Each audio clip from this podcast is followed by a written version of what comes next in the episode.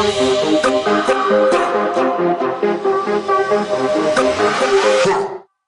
guys. Hello guys, Welcome back to Warjem. Warta Jemaat. Ya, udah episode 2 kita nih. Nggak kerasa ya? Iya, makanya. Kalau sebelumnya kita baru perkenalan. Episode berdua. Kalau sebelumnya kita perkenalan, nah sekarang kita ngobrol-ngobrol beneran nih. Oh, yang kemarin bohongan, Mac. Ya, maksudnya kalau sekarang kita ngobrolnya lebih serius lah. Oh, kemarin nggak serius berarti ya? Ya serius, tapi dikit. Kalau lo semua pada dengerin episode perkenalan kita ya, kita kan bilang bahwa kita mau bahas isu-isu tentang anak muda dan gereja. Nah, Los, lo kan pernah bilang kalau lo pernah mempelajari sebuah pembahasan yang mengatakan bahwa secara data, tren anak muda itu banyak yang meninggalkan gereja. Sebenarnya apa sih yang terjadi? Wah, serius nih mau diceritain nih, Mac. Iya. Panjang loh ini. Nanti pen- pendengar kita tiga jam tetap mereka streaming kok. Oh, iya, iya. Ya, tapi sambil Oke. ditinggal mandi gitu. Jadi terakhir-terakhir udah Gitu. sampai jumpa di podcast Iya. Warjem berikutnya. iya. Mereka udah nggak ngerti Oke, oke. lagi orang ngomong apa ya tadi. Ya, cuma disimak ya, ini rada berat nih materinya nih. Ya, tapi Oke. gini gini. Ini Ini, materinya cukup penting lah buat anak-anak muda supaya lu bisa Iya. tahu juga sebenarnya keadaan yang sebenarnya gimana sih gitu. yes. Karena ini sebenarnya juga juga hal yang mendasari kita bikin podcast ini gitu, Mac ya. Betul, betul, betul. Yes. Bener banget. Jadi gini, jadi gini. Dari yang gue pelajarin, sebenarnya tentang hal ini ada lembaga-lembaga yang bahkan sudah meneliti lebih detail dan bahkan sudah bikin bukunya. Yang pertama banget nih tahun 2011 ada yang namanya Barna, Barna Consulting Group yang ada di Amerika. Mereka-mereka ini yang pertama concern sama ngeluarin riset. Kenapa mereka ngeluarin riset? Karena ya mereka merasa bahwa ini kayaknya udah nggak bener nih. Kenapa anak-anak muda pada banyak yang ninggalin gereja nih. Dan ternyata setelah di riset, memang 59% anak muda di Amerika usia 18 sampai 29 tahun itu mereka meninggalkan gereja. Gerejanya udah Hah? selesai jadi mereka ninggalin gereja gitu ya. Kebaktian selesai. Ya, gitu, surveinya ninggalin memang setelah kebaktian umum. setelah kebaktian ditanya, lo lu kok meninggalkan gereja? Nah, Udah 59 selesai, udah persen pulang. ngomong udah selesai. 41 persen ngomong, oh iya ya, balik lagi ya. Gitu. Terus, terus, terus, lanjut, lanjut, lanjut. Nah, padahal Amerika ini adalah negara dengan populasi Kristen terbesar di dunia. Bukan Hmm. populasi kena corona terbesar di dunia ya.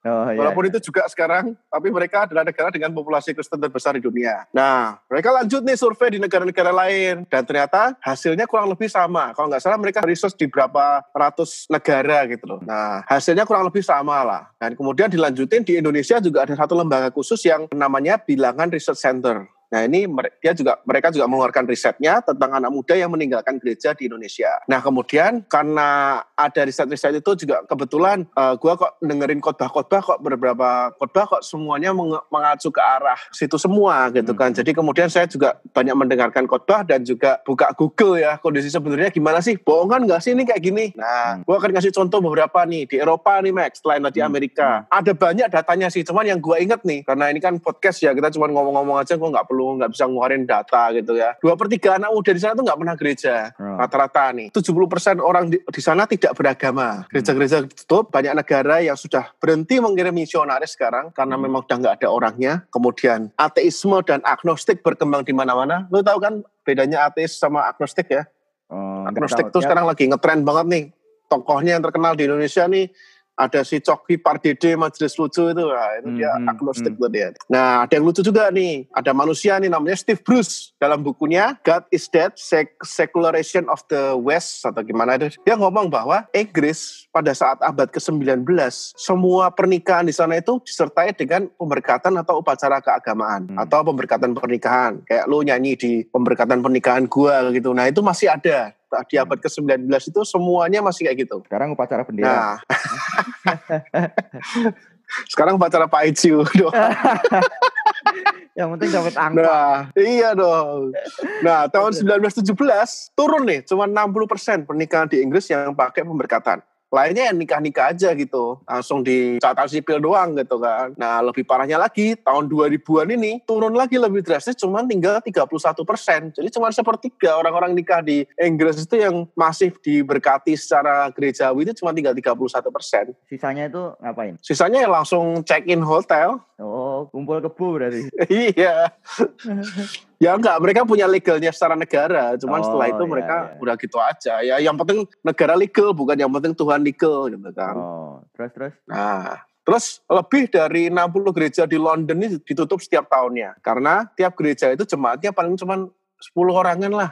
Oh, Ya lu bayangin aja lu 10 orang, ya bukannya Tuhan nggak pelihara atau gimana ya, cuman ya kan nggak ada pendapatannya, Mek. Lu bayangin lu 10 orang gereja lu cuman ngasih 2000 2000 rupiah gitu kan ya. Di sana romo-romo gitu, makannya gimana gitu kan. Otomatis ditutup gitu kan. Kayak persekutuan ya jadinya ya. Iya, padahal gedung gerejanya gede. Kayak komsel malah. Bagus-bagus kan. Ya, bagus-bagus kan lu, lu pernah ke Eropa kan? Lihat gambar, Oh, lihat gambar.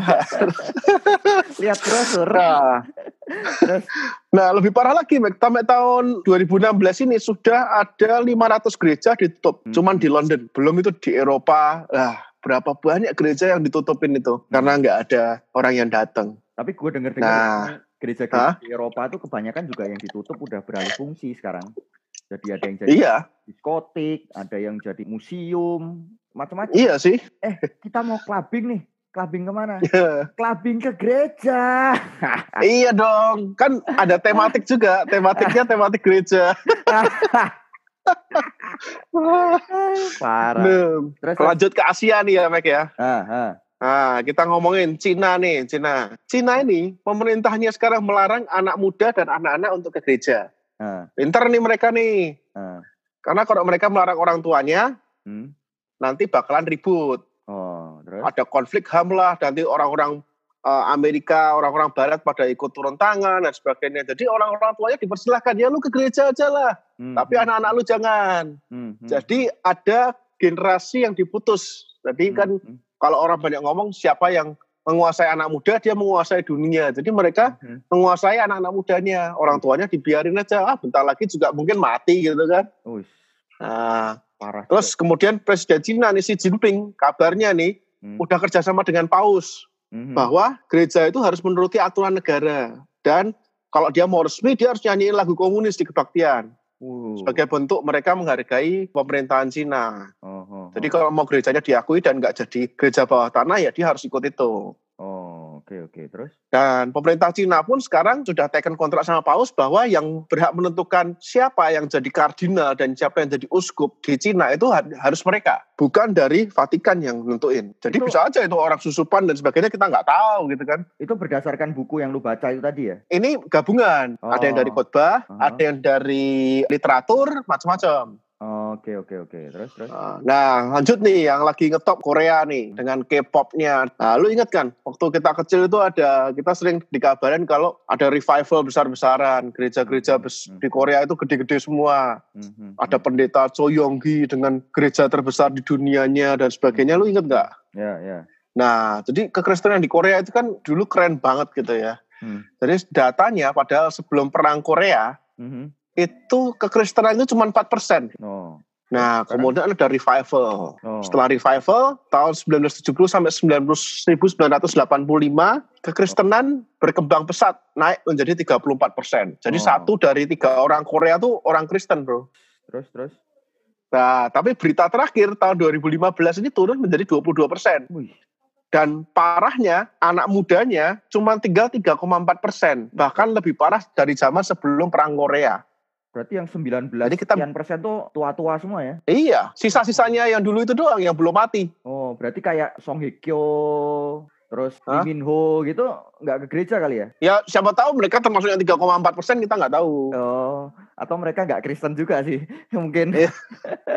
Kalau yang gue tahu kan Siwon, Siwon kan sangat Kristen katanya gitu kan. Oh. Ya Siwon mungkin masuk di 3,4 persen itulah. Oh, kalau Jang Nara, Jang Nara? Oh Jang Nara nggak tahu tuh. mungkin agnostik juga nggak tahu gitu. Oh iya iya iya. Terus terus terus. Tapi intinya se- sebenarnya bahwa ada jembatan yang terputus dari generasi tua ke generasi muda, Mek. Eh, tapi sebelumnya gini sebenarnya. Hmm. Sebenarnya mereka ini meninggalkan gereja atau sebenarnya anak-anak muda ini meninggalkan kekristenan sih, Los? Nah, kalau yang ini kita belum bisa teliti lebih jauh ya, Mek ya. Oh. Cuman kalau yang dari survei-survei ini sebenarnya adalah mereka ini meninggalkan gereja surveinya. Oh, Jadi Intinya banyak yang ngomong bahwa meninggalkan mereka itu ya. masih big fansnya Tuhan Yesus. Oh, FBY mereka masihan fans berat Yesus gitu kan. Cuman tidak dengan gereja. Jadi mereka Oh. merasa Tuhan Yesusnya keren, cuman gerejanya yang nggak keren. Jadi Tuhan Yesus jadi kayak artis gitu ya? Iya. Jadi Tuhan mereka Yesus- cuma mau Tuhan Yesusnya nggak mau gerejanya. Jadi kan tapi kalau kita bisa simpulkan juga sebenarnya mengarah ke sana, Mek. Karena kalau orang udah nggak pernah ke gereja, nggak pernah diisi, nggak punya komunitas dan sebagainya, akhirnya kan orang-orang itu jadi kayak gimana ya? Yang mereka nggak punya landasan hidup, nggak punya tujuan hidup. Pada akhirnya kan kalau kita bisa melihat dampaknya, pasti mereka juga akan meninggalkan kekristenan atau gaya hidup Kristiani. Karena kalau kita bisa melihat orang-orang di Korea yang bunuh diri berapa? Artis-artis yang mungkin kayaknya hidupnya sempurna dan sebagainya, tiba-tiba kita lihat bunuh diri. Kalau karena gue yakin kalau dia punya dasar yang kuat tentang kris- kekristenan Hmm. atau dia uh, punya Tuhan Yesus, dia nggak mungkin ngelakuin hal itu kan. ya ya ya. Tapi karena hidupnya kosong dan sebagainya, walaupun dia udah punya segalanya, dia punya ketenaran, dia punya wajah cantik, muka ganteng, dia punya duit, Hmm, tapi dia nggak menikmati itu semua dan akhirnya bunuh diri gitu kan. hmm, ya ya. Gitu sih. Dan data yang tadi ditambahin juga bahwa di Indonesia sama seperti itu. Bahkan Dimas Kristen juga ngomong bahwa 50% generasi milenial meninggalkan gereja. Ya mungkin Oh. sedikit lebih baik lah. Kalau mereka 59%, kita 50%. Nah, Emang lebih baik dikit ya. Masalahnya apa sih kalau anak-anak muda itu ninggalin gereja nih, Mas? Kalau terus-terusan kayak gini ya, Mhm. diperkirakan kekristenan akan punah, bro. Karena nggak ada penerusnya. Hmm, Karena kan sebuah organisasi atau sebuah apa pun kalau mau berkembang kita harus naik generasi ya. hmm, Harus ada yang meneruskan. hmm. Saya kan sebuah kerajaan juga kalau anak-anaknya hilang semua nggak ada yang mau terusin terus mau diwariskan ke siapa? Hmm. Nggak ada generasi ke depannya ya akhirnya stuck. Hmm. Balik lagi ya ke meninggalkan gereja tadi ya. Mm-mm. Kok bisa ya mereka anak-anak muda itu ninggalin gereja? Kenapa loh? Karena kalau menurut gua dan menurut apa yang di survei ini alasan paling utamanya ya sebenarnya adalah karena gereja nggak relevan bro. Mhm. Sebenarnya itu dan itu nanti dampaknya banyak sebenarnya. Cuman kalau di podcast ini kita singkat aja bahwa gereja nggak relevan. Maksudnya nggak bisa relevan jadi gimana? pemimpinnya nggak relevan, program gerejanya nggak relevan, khotbahnya nggak relevan, macam-macam. Intinya adalah apa yang dilakukan oleh gereja itu udah nggak relevan lagi dengan zamannya. Jadi ketika anak-anak muda itu datang ke gereja, mereka bukannya diterima dan mereka mendapatkan jawaban-jawaban atas permasalahan hidup mereka, cuman ada yang mereka lakukan adalah mereka tidak diterima, mereka mendapatkan eh, sesuatu yang sebenarnya bukan konsumsinya mereka, Mhm. jadi istilahnya mereka masih terlalu terfokus pada orang-orang yang lebih tua dan masalah-masalah hidupnya mereka kalau mereka ceritain mungkin malah menjadikan mereka dimusuhi dan sebagainya seperti itu. Oh, dihakimi gitu ya. Dihakimi, nah seperti itu. Jadi terus kemudian kalau kita ngomongin relevan leaders ya bahkan pemimpin-pemimpinnya itu juga nggak relevan dan nggak bisa menjadi contoh. Ya, karena anak-anak muda zaman sekarang sebenarnya butuh teladan bro. Oh, teladan apa telatan? Telatan bro. ya Gitu. mungkin anak-anak muda yang ke gereja gitu malah mungkin ngelihat juga di gereja ini mau tambah ruwet gitu ya. Mereka mau cari solusi atas kehidupan mereka malah di gereja lihat gereja juga ruwet gitu nggak sih Los? Iya bener, karena bukannya mereka mendapatkan nilai-nilai yang berguna buat mereka hidup, Hmm. nilai-nilai kasih, nilai-nilai pengampunan, integritas, pengorbanan dan sebagainya, tapi malah ya mereka nggak dapat apa-apa bro. Dia Hmm. akhirnya sama aja lah. Hmm. Gue ngapain di sini? Hidup baik aja cukup gitu kan. Mereka nggak dapat esensinya. Apalagi anak-anak muda yang lagi cari jati diri gitu ya. Setelah masuk ke gereja Iya, lihat- rentan banget di zaman-zaman itu. sampai ke gereja lihat alah sama aja ternyata sama di luar. As.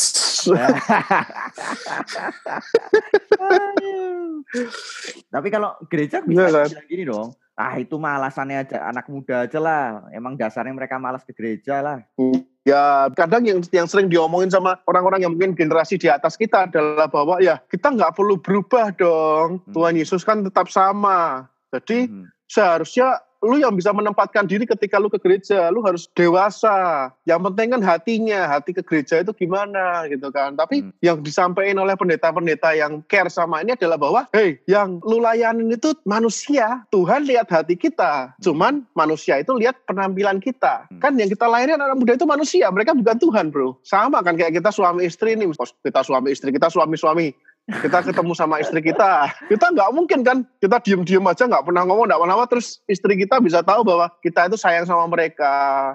Kita itu peduli sama kan nggak mungkin. Ah, harus diungkapkan karena mereka nggak bisa lihat hati kita. Yang bisa lihat hati kita adalah Tuhan. Jadi Ah. menurut gua perlu untuk direlevankan perlu untuk disamakan, perlu untuk dikatakan, perlu untuk diucapkan sehingga anak-anak muda ini bisa melihat teladan gereja, nilai-nilai gereja dan sebagainya.